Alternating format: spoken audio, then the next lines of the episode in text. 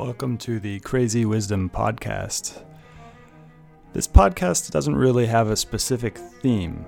Uh, it covers a lot of my interests, it co- covers a lot of other people's interests. It goes into philosophy, spirituality, business, uh, how to live a good life, many different things. Ultimately, I don't believe in having themes for the things that we do. We can categorize the things, and obviously, we categorize things all the time.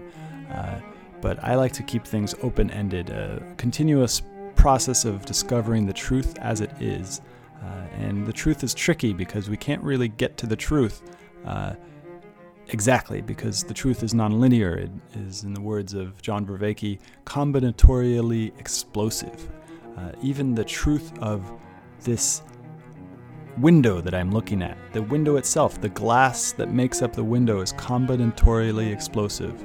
The cup that holds your water is combinatorially explosive. You cannot model that cup totally in your head. You're only getting an image of it in with your eyes and your brain. That's not the actual cup itself.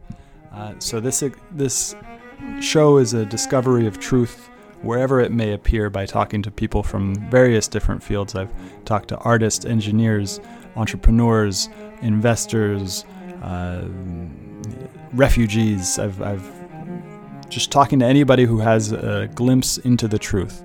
Uh, and through this conversation, through this mutual inquiry into what is true, what is real, hopefully we get to something that is helpful for to you. Now, we are in a time of crisis right now, uh, but it is in those times of crisis that we find our strength. And so, this show hopefully will help you to find the strength that is resting, that is deep inside of you, that is part of your birthright as a human being, uh, and find that strength so that you can get through these difficult times. Also, I want to let you know that I'm offering breathwork sessions uh, every day. I've got seven sessions a day. Uh, and really excited to bring this to people. People have been really enjoying it, and it has brought strength to people and courage. And, and that's my that's my goal is to help you find the courage to uh, not only survive but to thrive in the next couple years, maybe because this virus is not going away. Um, it, it, usually viruses come in waves. Uh, so this is the first wave. It will go away, and then it might come back. I'm not saying that I know for sure it will come back, but we are in this for the long haul. So this is a uh, marathon, not a sprint, uh, and I want to do everything I can to help you not only survive but to thrive. Uh, so. If you are interested in that, please find me on Twitter at Stewart Alsop III. My DMs are open. I'd love to hear about what you think about this show. Uh, also, it'd be very, very kind of you to both subscribe to the show on Spotify, Stitcher, uh, iTunes, many of the major pot plat- platforms. And if you're really feeling generous, go ahead and give a review on iTunes. So join me for the breath work. Just send me a message on Twitter at Stewart Alsop III with your email, and I'll add you to the email list where I'm sending out emails for the schedule. Uh, hopefully, see you there. Have a great day. Welcome to the Crazy Wisdom Podcast. My guest today is Pamela Valdez. She is the CEO and founder of uh, Beek. Really excited to have you on here today. Uh, how's it going? It's going great. Thank you for having me. Sure. Uh, so we're sitting here in Mexico City uh, in Beek's office, uh, and it's really interesting. I, I found Pamela through a friend of mine in San Francisco, but uh, both of us have similar kind of goals or objectives, and Uh, both of us see uh, insight into the Spanish-speaking market that uh, it's basically like what the English speaking market was. You said it 12 years ago. I, th- I was thinking more yes. four or five years ago. Uh, why do you think it's 12 years ago? So I think basically the problem with all markets is that if there's no supply, there's no demand, and if there's no demand, there's no supply, right? If you don't have demand or supply, you don't have a market. And the problem is that the Spanish audio supply is very, very low. So if you compare the amount of podcasts and audiobooks available right now in Spanish it's the same as if it was 2008 in the US. So if there's no supply, there's no people consuming content.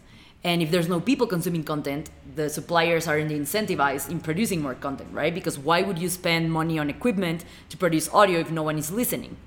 Right now it's like starting to change. Right now is like the exact moment where like it's the start of the new era of like the audio era in Spanish and that's what we do at Beek. We believe that the like Latinos are gonna pay for the best Spanish audio content, and we believe that what's gonna happen in this market is what happened in China. So I don't know if you heard about Himalaya FM, for mm-hmm. example, which is the biggest audio player in in Chinese, and it's basically like a Netflix for audio in Chinese, and it's a subscription. And it also has like individual sales, but it's monetized. It's not free ad supported, basically. Or it has a free ad supported, but the majority of the revenue is like monetization, actually, like not ad supported. Uh, so I believe that we are in an opportunity right now in the Spanish speaking market to do the same thing. Um, where if there's no podcast market, there are no rules, and we can set the rules and make sure that, that content creators make enough money uh, if it's monetized correctly. So that's kind of how I see this becoming, like what happened in China, basically. Yeah, and it's very interesting because China, the market is very. Why do you think in English uh, this this custom of charging for your audio content doesn't exist? I think it's just part of like how the story developed in in the US. So I feel like in the US there are like four or five content creators uh, like Gimlet, Wondery, NPR that have like 90% of listens, right? And those people have so many listens. Like there are so many people that listen free podcasts that you can actually make money. So the rest of like the long tail podcasters don't make money, uh, but the top one make a ton of money. Like Joe Rogan, like 40, 45 million dollars a year or something. Like Exactly, that. Yeah, right? Uh, because the advertising market is really big in the US and it's saturated, so people are looking for other ways to market. But here in, in Latin America, not even Facebook is sat- saturated. Mm. Like you can still get pretty good uh, CAC, paid CAC on Facebook in What's- Latin what's America. CAC? CAC, Yeah. uh, it's cost of acquisition, cost of uh, customer acquisition cost. Okay. So I feel like in the US, it's just like everything's so saturated. Like a new SaaS company is gonna have so much trouble marketing on Facebook at a good cost. They're looking for other channels, and these audiences. Uh, NPR is a big reason why this started for free, became huge, and now can be monetized via ads. But we don't have the equivalent here in Mexico. There's no radio because I mean a lot of people listen to the radio here though, right? Yes, a lot of people listen to the radio, but we don't have the equivalent to NPR that is creating like premium shows. public uh, intellectual content. Type Exactly. stuff, We don't have that. Um, well, I believe we don't have that. There- there are people that might disagree with me, but I believe like we don't have that, and so that's that has created this like chicken and egg problem because we don't have supply, we don't have demand. So right now, the majority of podcasts in Spanish are basically recorded radio shows. Where if you look at like many NPR shows or Wondery or Gimlet, those are not really like ra- recorded radio shows. They are like premium content created for audio from the start. And I feel like there's very few content that is being created like that. Mm. And we saw that when we started creating originals. Mm. So we are at this point the biggest audio producer in Spanish. Mm. And we produce over 30 new shows per month. And basically over 60% of the downloads are from our big originals mm-hmm. right? And people really like our content and they really consume it because it's created in spanish for audio. Mm. So i feel like in the us you have these two like areas of the spectrum where you have free podcasts or premium audiobooks right? Like audible is this super premium product expensive mm-hmm. one credit a month for $15 which is like crazy I just expensive. got charged for it again, and like, why, why do I? Why am I still paying for it? yeah. And podcasts are free right and the in between is the premium podcast that most people listen to. Like not the typical interview podcast like this one but like the wondery podcast their gimlet podcast that have High all these values. exactly. Yeah. it's like high quality premium content. Mm. It's not really an interview podcast. Mm. So that is monetized via like paying for it. It's paid for in china. It's being paid for in latin america. And it's not paid for in the us because you have these big names that actually make money with ads And also that we're public, and so we're paid for by the government as, as well, or Exactly. paid for by donation as well from NPR, exactly um, which is really interesting. And then I imagine that the people listening to the podcast here, listening to your audio content here, are also probably speak English um, uh, and probably also consume a lot of the free podcasts in English. Is that accurate? Or no? No, actually, the majority, like I'll tell you uh, some numbers. So we have 250,000 audiobooks in our platform, and basically, like 90% of the listens are in like Spanish titles that are only 5,000. Five thousand. So 5,000 audiobooks are in Spanish total, Uh, okay. right? And like over a hundred of those are, are Originals, which get the majority of downloads. And are those books or are those just high quality content, like what you're Uh, saying? b- both. Both, okay. Uh, it's like in the, it's not really a podcast, not really a book. It's something in between. Oh, we do a few like zero to one from Peter Thiel, for Oh. example. We have it in Spanish as an as an original. Um, And did you have to talk to them about getting the rights to it? yes, like of course. Like Yeah. we purchased the rights from Peter Thiel's so uh, book team. Uh-huh. Yes. So basically, um, the the way I think about it is that the majority of people, even though they speak English, like to consume local content, yeah, in right? language, makes sense, and yeah. like I learned this from Netflix too, because we have like four investors from from Netflix, and basically what they see is that dubbing and subtitling is crucial for for series to be successful internationally, right? If they were only in English, they wouldn't have the same. Okay, uh, what was I saying? Uh, so we were talking about. Um, let me make a note here. Uh, seven minutes. Yeah, Netflix investors. Oh, okay, yeah. So basically, what we learned from Netflix is that subtitle and subtitling and dubbing is crucial for ma- making the content successful overseas or like internationally. And the thing with audio is that you can't subtitle and you can't dub, right? And actually, like just translating English content into Spanish, you can't just do that. Like you actually need to purchase the rights uh, to be able to do that. So it's just like many, many things that you need to um, uh, to take into account. So even though some might speak English, they like to consume in the local language Yep. and they like it's not only translated it, it, not, it doesn't only need to be translated it, it also needs to be localized so i don't care about like a tim ferriss show but i might care about like i don't know um, kate del castillo show you know because like I like even my mom went to school with her, you know? Like I she's famous, I know her like from the shows, she's relevant to my Latino culture. Yeah. But Tim Ferriss is like I kind of know about him because I lived in Austin, but like I don't really care about that content because it's not relevant to me. It might be relevant in the US, but not in Latin America. So translating that into Spanish might not be successful. Okay, and this is so I'm, I'm going to say my assumptions for what I'm trying to do, which is I think uh, pretty different because I'm you know just doing a freelance type of thing. Uh, but I imagine that startup content, content that's aimed towards people trying to start co- companies in Spanish, might have a market. So basically, uh, getting the information about what it's really like to actually start a company uh, in Spanish. Uh, and I told one of my previous guests, uh, Tuto Assad, this, and he's like, "Well, that doesn't exist in English either. Like about how really hard it is." Uh, and so, and I'm, I've been doing that in English for the past year, and I want to do that in Spanish as well. And I think there's a market for it. Uh, what do you think? Yes, I, I agree.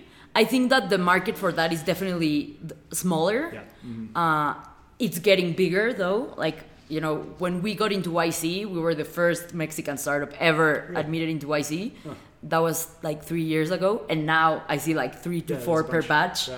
So definitely like there are more people being interested. Just tech is eating the world, of course. So Yeah. people are more interested in that. I think that there's so much content online though on how to how to start something that I believe it needs to be really high quality. Well, so my, my angle on that is the same angle as in English is that uh, most people, when going into this type of stuff, create what people think they want to hear, which is Yeah. trips, tips, tricks, like this is how you do it, blah, blah, blah. blah, Exactly. blah. That stuff is useless. I, I, I- I think that that stuff is useless Yeah. because, as you said, you can find it anywhere. I think the real benefit to this medium is essentially getting an insight into the people starting its, uh, Yes. like their real life and their philosophy as well. Yes, I, I agree. Yeah. I agree. I think that's that's important, and I think the most important thing is because like if you talk, for example, like I have investors in Silicon Valley, um, you know, like really successful people, and I talk to them, and I it's their advice is so valuable, but I need to localize it to actually make it helpful. So uh, I think like that's one of our competitive advantages, right? That we have local people, but we have Silicon Valley advisors. So they like they like take the strategies from Silicon Valley and apply them to the local market. So I think that's very important because, for example, if you translate um, optimizing paid marketing podcast in English to Spanish, is like not gonna work the same because something that might work in the US doesn't necessarily work here. The market is at different saturation levels. Yeah. It's just like very different. So that's that's why I talk a lot about localization, like more than just translation, because I think um, like podcasts that have that information that is relevant can be consumed in English by people who speak Spanish, but they're not really looking for that. They're looking for how do I make it work in Mexico, Yeah, yeah. right? And that's why I like this interview format because I can find people in Mexico like yourself who, Exactly. are, who, are, who have that kind of local, local Exactly. knowledge. Yeah. Um, oh, there's something else I wanted to say, which was. Uh, so. Oh yeah, it's the investors, and that's that's another kind of thing that I want to do as well. Is just like build a community around this podcast, which is because there's great founders everywhere, there's great entrepreneurs everywhere, but there are not great investors everywhere. Great great investors like come from Silicon Valley or at least have gone there to live for a significant amount of time Yeah. to understand what it means to invest in a high growth tech company. yeah. Uh, and that I think actually, although in Mexico, I'd be curious about hear about your opinion. I've been I've been hearing that the investors are here have had that experience, have come back, and it is actually growing locally as well in terms of the experience about how to invest in companies. But when I was in Colombia, I, I, I did not find that, uh, and I, Yeah. I think in Brazil it's probably pretty similar. Yeah, like I I hope I never need to raise from Mexican investors Yeah. to be honest. Um, because just you know, when you're building a tech company, it's the global market, right? Like if you're building like a local services business, well, then you look for Mexican investors. But if you're doing something global and tech is normally like helps take things global, you want investors like basically like you're tackling the global market, so your valuation should also be like global, you know? And like of course, Latin American companies always will suffer a little bit from valuation uh, from investors, like it'll get punished a little bit, but not that much. Like here local investors have like completely different valuation targets than in the US. It's just like like it, once you raise out of YC, it's just like impossible that you will raise with a local investor because the valuation will be We'll so out of their yeah. range. Yeah, that seems like an opportunity for a, for a smart Investors, yeah, exactly. So Yeah. there's one fund that I love. Ah. It's like the only Mexican fund that I've taken money from. Ah. It's called Investo. Okay. Those are the smartest guys that I know in terms of investing to- in, in, in Latin America. I would love to interview them. Yeah, yeah. Actually, they uh, they stopped investing because they founded a company Oh. uh, called Grin, the Okay. scooter company. Oh, inter- interesting. Yes. Yeah. Um, so they are now operators. They, they have this scooter company, Oh. and the fund is like no longer their main focus. Got it. Uh, but they were able to raise so much money because they built an amazing network and hire like over 2,000 people of really high quality employees. With that same valuation with that same framework. exactly Uh, so, yeah. exactly. So i think um, yeah so they did that. They went to the us they thought investing in silicon valley was the best idea and i heard something crazy like 70% of their returns come from latin america even though the majority of their investments are in silicon valley so more and more they look for So companies and they became this like portal like the entrance to silicon valley And that's so that's what I'm trying to. That's my goal with this podcast is essentially to become that because I've already. Yeah, that's so valuable because they saw Rappi before anyone else. They saw Beek before. They were my first check Oh, interesting. Right? Before Like- Y Combinator. before Y Combinator, before anyone. Like right now, uh, our investors are like Accel and Greylock, and like they were like, of course, later. You know, Investo was the first check in. It was a small check, but super valuable, right? So I think uh, th- those guys definitely get it that if you want to play uh, at the Silicon Valley level, you have to pay the Silicon Valley price. Yeah, which is actually you know. like smaller. yeah. Well, it's yeah, yeah, interesting. Yes. So I think, yeah, like if basically here, I remember like talking to a fund, and back then, I don't know, like we were raising at X million cap, you know, and they were like, oh no, X million is too high. Like I would never invest at this. This is crazy. And then I raised like you know, two million dollars at that cap. Uh-huh, yeah. So it's like, you know, well, it was crazy for you, but I was able to raise something. So now, like, they come back and they look for me and they want to invest, and I'm like, well, now it's like 30x that that And that's a, valuation. and that's a know? switch in the framework all that requires at the investor level is a switch of a framework to, rep- rep- to instead of viewing things only at a regional level to view things at a global level um, which I mean, even in the United States, is not something that's widely distributed outside of Silicon Valley. It's exactly. Like, still, you go to, you know, um, Texas and you go talk to people with Yeah. oil, oil money, they're gonna they're gonna want Yeah. the same same type of Yeah. like high valuation. And an important thing is that if you're smart, it depends on the type of business, of course. So, like scooters, delivery require tons of operating costs. But if you're a digital business and you're very disciplined, you don't need the same amount of money that you need in this in Silicon Valley to build a company that you need here, right? And and that's important. So I get why investors here invest less money, but that doesn't mean they have to invest a lower valuation, right? So if they want to invest, uh, they ju- they just should focus on investing early, right? If they have less money and they want like a good ownership target, Yeah. then they should focus on investing early, right? Uh, but not at a lower valuation because that doesn't make any sense. That's really interesting for me. All right. Um, so, what was it like being the first Mexican company in the YC? Good question. um, well, it was definitely hard to get in. It took us four rejections, Uh, three actually. We got in the fourth time. Um, so back then it was just unheard of. Like there had been, I think, Platzi and Rappi, but they were like Colombian. So it was very hard to get into YC. Like it was very uncommon. Uh, so it took us like a lot of hustle and like doing a lot of effort to actually get in. did you have to go to Silicon Valley before?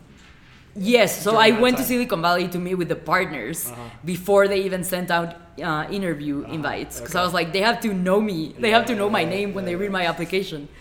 Um, but then once we got in, I feel like for for us it brought so much value because I didn't have a network in Silicon Valley, right? Like right now, I can go and um, like I feel like I have a pretty solid network of investors, advisors, and friends in Silicon Valley, so it's super valuable now. But when I got into YC, I didn't have that, so YC was crucial for developing that.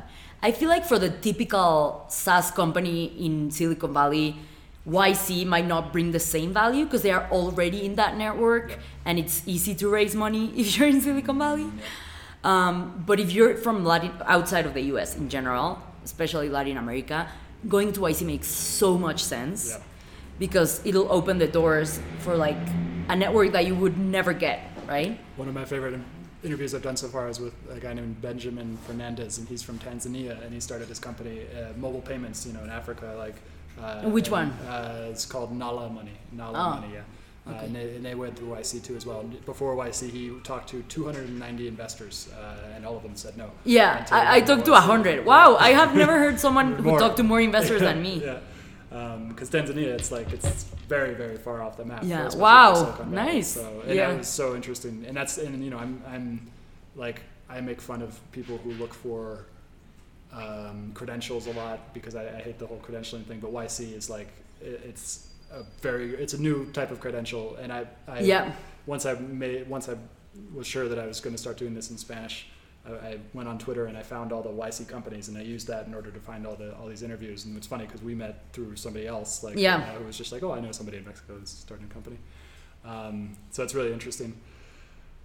Uh, so and so you were in YC and then uh, how has it been helpful only in terms of the investment side, or have they also been hel- helpful in how to localize and how to how to create the company here?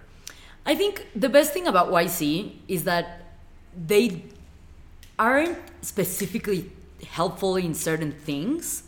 They are more like a great ear to hear you and help you um, figure out the problems yourself, right? So I will go. I'm very close to like I, I I'm I feel like one I'm one of the YC power users. like I feel like most founders like do YC and like you know every once in a while ping the network, but I actually have office hours like every month with one of my partners. Uh-huh. So like I am really a hardcore power user of YC. I like look at Bookface all the time.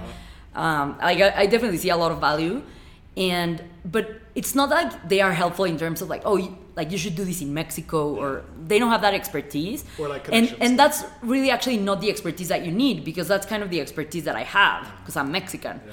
But YC is like this is the way it works. Like this is the world. This is how it works in the US. How do you think it can work in other places and what is your unique insight, right? And they teach you how to have clarity of thought and they are are there for you to like bounce off some of uh, some ideas and figure out what are your thoughts on this market and what is your vision and be more clear on that. So I feel like that's what's super valuable.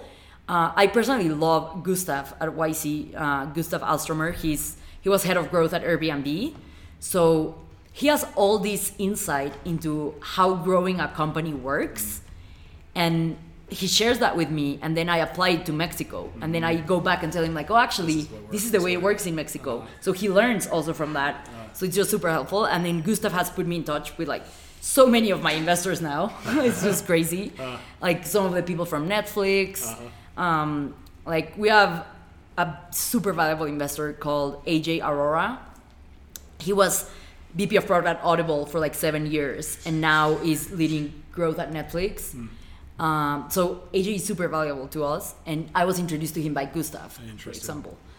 Um, and now, for example, we just closed our second round of funding, and YC was super helpful on that. They have this YC Series A program now, and so even even though I did YC like three years ago, I still get value out of YC. Like I still, I was meeting with them two weeks ago. Interesting. Yeah.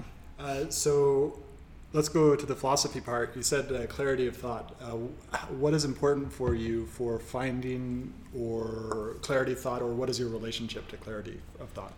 So the first time I heard about clarity of thought was in a YC dinner. It was actually our last YC dinner, and it was Ali Rowghani, who is in YC Continuity now. Um, he used to be, I think, the CFO at Pixar or COO at Pixar. I don't know, CFO, I think.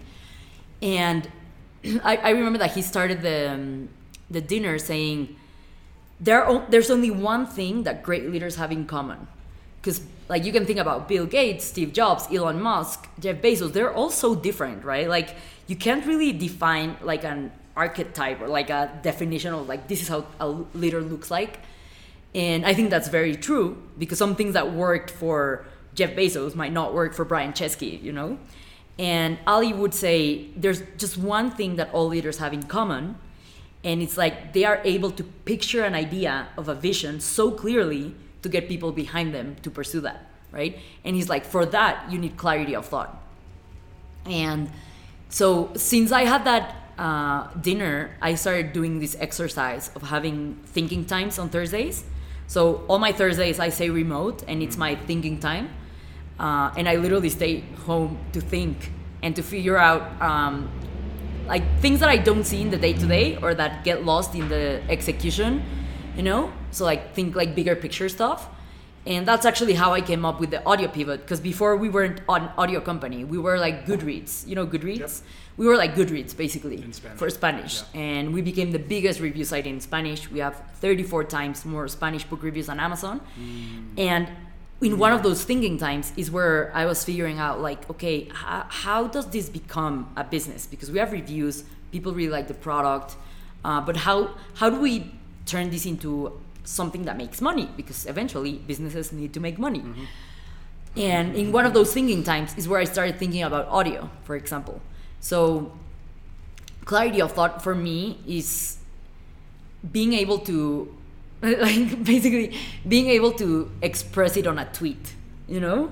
Um, so when you're able to have so much clarity that you can nail it down to boil it down to 140 characters then you're clear. Like that idea is clear for you And that's the hardest part about Twitter, I think, for most people. Most people don't understand Twitter because you have to do it in 140 characters. Yes, and I exactly. Didn't, under- I didn't understand it for about five years until, and now I get most of my listeners from yeah Twitter. i was seeing a tweet the other day from michael seibel where he he said something like uh, a- a he was quoting someone else i don't remember who but basically the quote was something like if i need to prepare a how, how long do you take to prepare a presentation and he was like if i need to talk for 10 minutes then i need at least two weeks if i don't have a time limit I'm ready now. And that's like so true. Like that's so true. Yeah. Like that definitely happens to me. Yeah. Interesting. So Um, yeah, I have this. I have, I have this idea. So I, I just spent. It was Saturday. I went out Saturday. I went into the mountains up here. Have you have you explored around in the mountains? what part? Uh, so I went to uh, um, Marquesa, La Marquesa. oh yes, Yeah, yeah. yes. Uh, on the way to Valle de Bravo. Yeah, Yeah. exactly. So okay, so Valle de Bravo is close to uh, Tolu- Toluca. Mhm. Okay, uh, so it's only 45 minutes away, and I found this little like ca- cabin in the woods that has good internet. Um, and I'm thinking about doing retreats for founders to do basically. And that usually gave me the idea to do clarity of thought uh, uh, retreats basically because I'm, Yeah. a- I'm a yoga teacher and massage, massage therapist. So like my whole thing is clarity of thought, and I go, Yeah. I go out into the woods on my own for like Yeah. multiple nights at a time. So that's a good good idea. Just Yes. No, and oh my god, I feel like that's one of the that's one of the skills that you don't no one tells you that you need to develop as a founder. And it's I feel like it takes definitely it definitely takes clarity of thought to scale to the next level. Like you can go from 0 to 1 without clarity of thought maybe, but from go from going to 1 to a 1000000 mm. you need clarity of thought. It's just like Yep. you you won't be able to scale things if you're not clear and the more people you have in your company the more clarity you need because information is more complex now it's times 20 you know the communication is more complex. Yeah, yeah. mhm. yeah so clarity of thought is, is crucial and it's never ending it's a never ending process like you know like i go to therapy every week i do coaching like twice a month i do yoga i for me like my best therapy is surfing like surfing for me is like the best metaphor for life it's You're in the actually wrong city. yes well i i like it because acapulco is close it's like Uh, three okay. hours away so Oh, i try to go at least once a month I didn't realize Acapulco was that close. Yes, it's okay. three hours and a half away. All right. Um, but yeah, for me, it's like sometimes I'll go surfing and I get all my ideas so clear. It's crazy. It's just like everything makes sense in the in the water for me. It's just like I go surfing and I'm like getting like you know hit by all the waves and I felt so much clarity. I'm like okay. This is how the content team should look like. You know, like, like I literally get those types of insights when I'm surfing. Uh, but I can't surf every day here. So I try to do yoga. Uh, I try to meditate. I should do it more often. It's just for me, meditation is very Well, hard. let's, let's go into that. What What is meditation for you? Um, so I've changed what meditation is for me. So before, uh, when I first started meditating, I started meditating since, since I was like six years old because my grandma meditates a ton. So my, my grandma is the one who got me into meditation first. I want to interview your grandma. and yes, she she's she, she has been meditating since forever Uh-huh. because uh, she got cancer and like so many things. Uh, but she's fine now. But basically, like she finds her happiness in meditation. So I started meditating since, since I was like six years old, and I would go to my grandpa, grand grandma's house, and we would like sit down and like picture a light and like you know things like that. Um, then I started meditating with these apps like you know Calm, Simple Habit. I started meditating with that, and it didn't work for me. And then one time, and this was recently, because for me it got to a point where I said like meditation is not for me. I just can't concentrate. It's very hard for me to sit and not do anything. And I know that's exactly the reason why I should meditate, but it's just so hard for me. And so I got like very like I, I didn't have motivation to do meditation or zen like zen practice in general. But then i found surfing. Like i found a book actually. Uh, it's now a big original in spanish. It's called surfear la vida. In, in english it's called saltwater buddha. It's my favorite book of all time. Like i can literally say which is my favorite book and it's that one. And it basically teaches you the meditation practice but in surfing. And i love surfing. And i read it when i was in a surfing trip. So it was just perfect and so for me, it was like, wow, surfing gave me what meditation was blocking me from because it was so hard for me. But with surfing, I was able to get into being present. So right now, for me, meditation is all about being present, right? Being in the present moment. That's like the key. And I feel like that is the key to happiness, right? So, like, for me, I'm not particularly that religious, uh, but for me, like, the equivalent to God is like being able to enjoy things as they are you know like being content with things as they are without wanting more or wanting less it's just like being content uh, with what you have and uh-huh You said because you said something about concentration, and I think that's what most people think meditation is is, is a form of concentration. yeah that was so hard for me Mhm. And that's only like concentration itself, according to the traditions that it comes from is only a step along the way. And most people think that that's the thing it is, but uh, probably because what comes after is very Yeah. abstract and very Yeah, like- exactly. So surfing doesn't require that like active concentration. Well, it does. It's more Well, it, it's a require. You've, you've you've got that requirement, which is like you've got to stay on the board. So there is yeah, the concentration. and more than that, it's like surfing requires you to be so present. Yeah. Because out of a two hours surfing session, I will have and like I track this with my Apple Watch. Literally, like I will be in the water for two three hours, and I will have three minutes of board time. Like three minutes that I'm riding the wave, Yeah. and that's the best metaphor for life, right? Because like the happy moments, you know, are just minimum. Like they are very short t- periods of time in, in like the overall time you, you spend in your life. Most of the time you're paying taxes, working, commuting, doing those things that are not necessarily fun. So you need to enjoy the process to be present Yeah. and, and be happy, right? And that's what surfing taught me. And then I started getting more and more into this like Zen stuff. I started reading more books about it. I started going to therapy. And then I went to India uh, for a wedding actually um, and i went to this like it's called like the global vipassana pagoda Uh-huh. and it's like an hour and a half away from mumbai Uh, and i went to this meditation place it's like basically a pagoda that has like uh, buddha reliques how Relics. does relics Relics, yeah. Mhm. yeah buddha relics and um, it's basically like a very um, peaceful place you know like very zen so i went there and i was there with my fiance and we were sitting there meditating and it, i don't know if it was like the buddha relics or it was like just the, the, the acoustic of the space but i had like the best meditation i've had in my entire life i was like so present i could feel my like you know my thumbs my like my fingers everything it was just so present it was crazy for me it was just an experience that i never had before and I did it meditating, and I was there for like an hour and a half meditating. Mm-hmm. And when I got to that point, and I was kind of like on vacation, so I didn't have any pressure, like to be concentrated on something. I was just like there. And since I did that, now I am able to meditate even better because I went like I passed that threshold of like you need concentration. I was like, no, I need to be present. Yeah, uh-huh. Right. So now I can do like walking meditations and like all this stuff. Have you heard of Um, the word samadhi? No. Samadhi. So there's there's eight steps uh, in traditional Patanjali yoga, uh, and this is not yoga asana, yoga postures. It's yoga the the um, it's yoga as meditation essentially. It's Yeah. a path of meditation, uh, and so concentration dharana is the sixth step, I think. Uh, yeah, sixth step.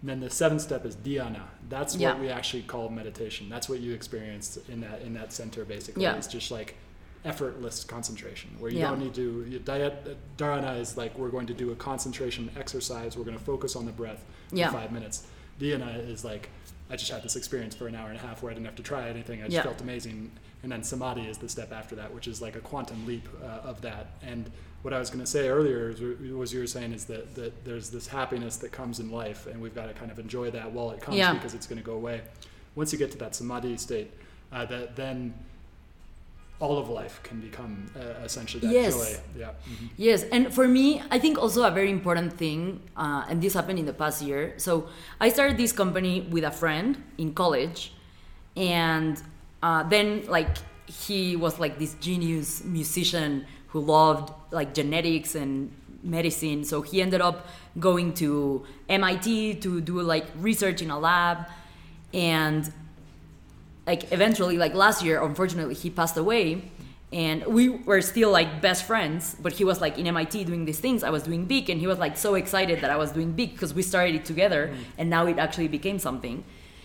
And when he passed away it was like the first true loss that i had in my life that was very tough. Um, and i went on a trip in europe with my family and everything was reminding me of him like wine and like classical music like all these things that reminded me of him. And i was like i'm just not gonna be miserable because he's not here anymore. I'm just like i'll try to be present and enjoy the process. And i started like reading the power of now and like all these books. And it was just like the pain was so strong for like not having my friend anymore that i had to find like some sort of new happiness you know and I feel like that's what took me into this like meditation and mm. Zen journey. And then going to India was just like the best place to to mm. pass that threshold, that quantum leap. um, yeah, and I try to do it more and more now, uh-huh. and yeah, like sometimes I feel like as a founder, you you have a tendency to just like keep going faster, faster, faster. Yeah, but I've definitely seen the value of like stepping back and taking my time. Mm. So, yeah, Very cool. yeah. So I know you have to go in a bit. So what we'll what we'll do is we'll wrap up with one. Uh, well, actually, no. Let's do it. So so how can people find out more about you and what you're working on? Of course. Um, so I'm on Twitter at uh, P A M E V L S. Yeah, that's my Twitter. And they can check out my company. It's uh, beek.io. B E E K.io. Perfect. Thank you so much for coming on the show. Of course. You're welcome. Hope you enjoyed this episode. I'll be publishing episodes every Monday, Wednesday, and Friday in the morning. If you did enjoy this episode, please find us on iTunes, Spotify, Stitcher, many of the major podcasting platforms, and go ahead and give us a review. And also subscribe. And as always, I'm on Twitter at Stewart Alsop III. Come join the conversation as we aim towards the truth. Funny thing about truth is that you can't really put it into words because every time you put the truth into words, you create a linear narrative out of something that is non-linear. The truth is non-linear. It's not. It's. It's. If you really recognize the truth right now, your mind wouldn't know what to do. It'd be overwhelmed by beauty, pain, or it's.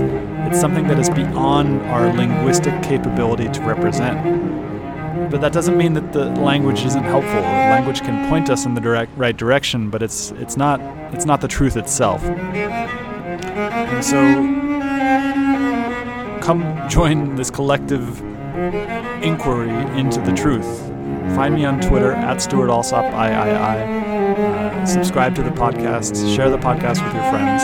Uh, most people don't have the ability to let go of this linguistic understanding of the way that the world works and just aim for the truth, regardless of what the language tells us. Uh, and so I think what I'm doing with this this show is is necessary for us because as we enter this stage of uncertainty, uh, and we are most definitely entering an age of uncertainty, and as we do, it's really really important stop paying attention to what the mind is telling us all the time doesn't mean to say that the mind doesn't have its place. The mind obviously has its place, but it's just one of the senses. It's just one of the tools that we can use. We can use the mind, we can use the feelings, we can use our actual senses. Uh, we can check our intuition with other people because sometimes the intuition tells us the wrong thing as well. Sometimes the intuition is wrong. So it, we can't we can't rely on any one tool to get us there. So come join the show. Find us on iTunes. Find us on Twitter at Stewart Alsop III, uh, and come join the, this inquiry for truth.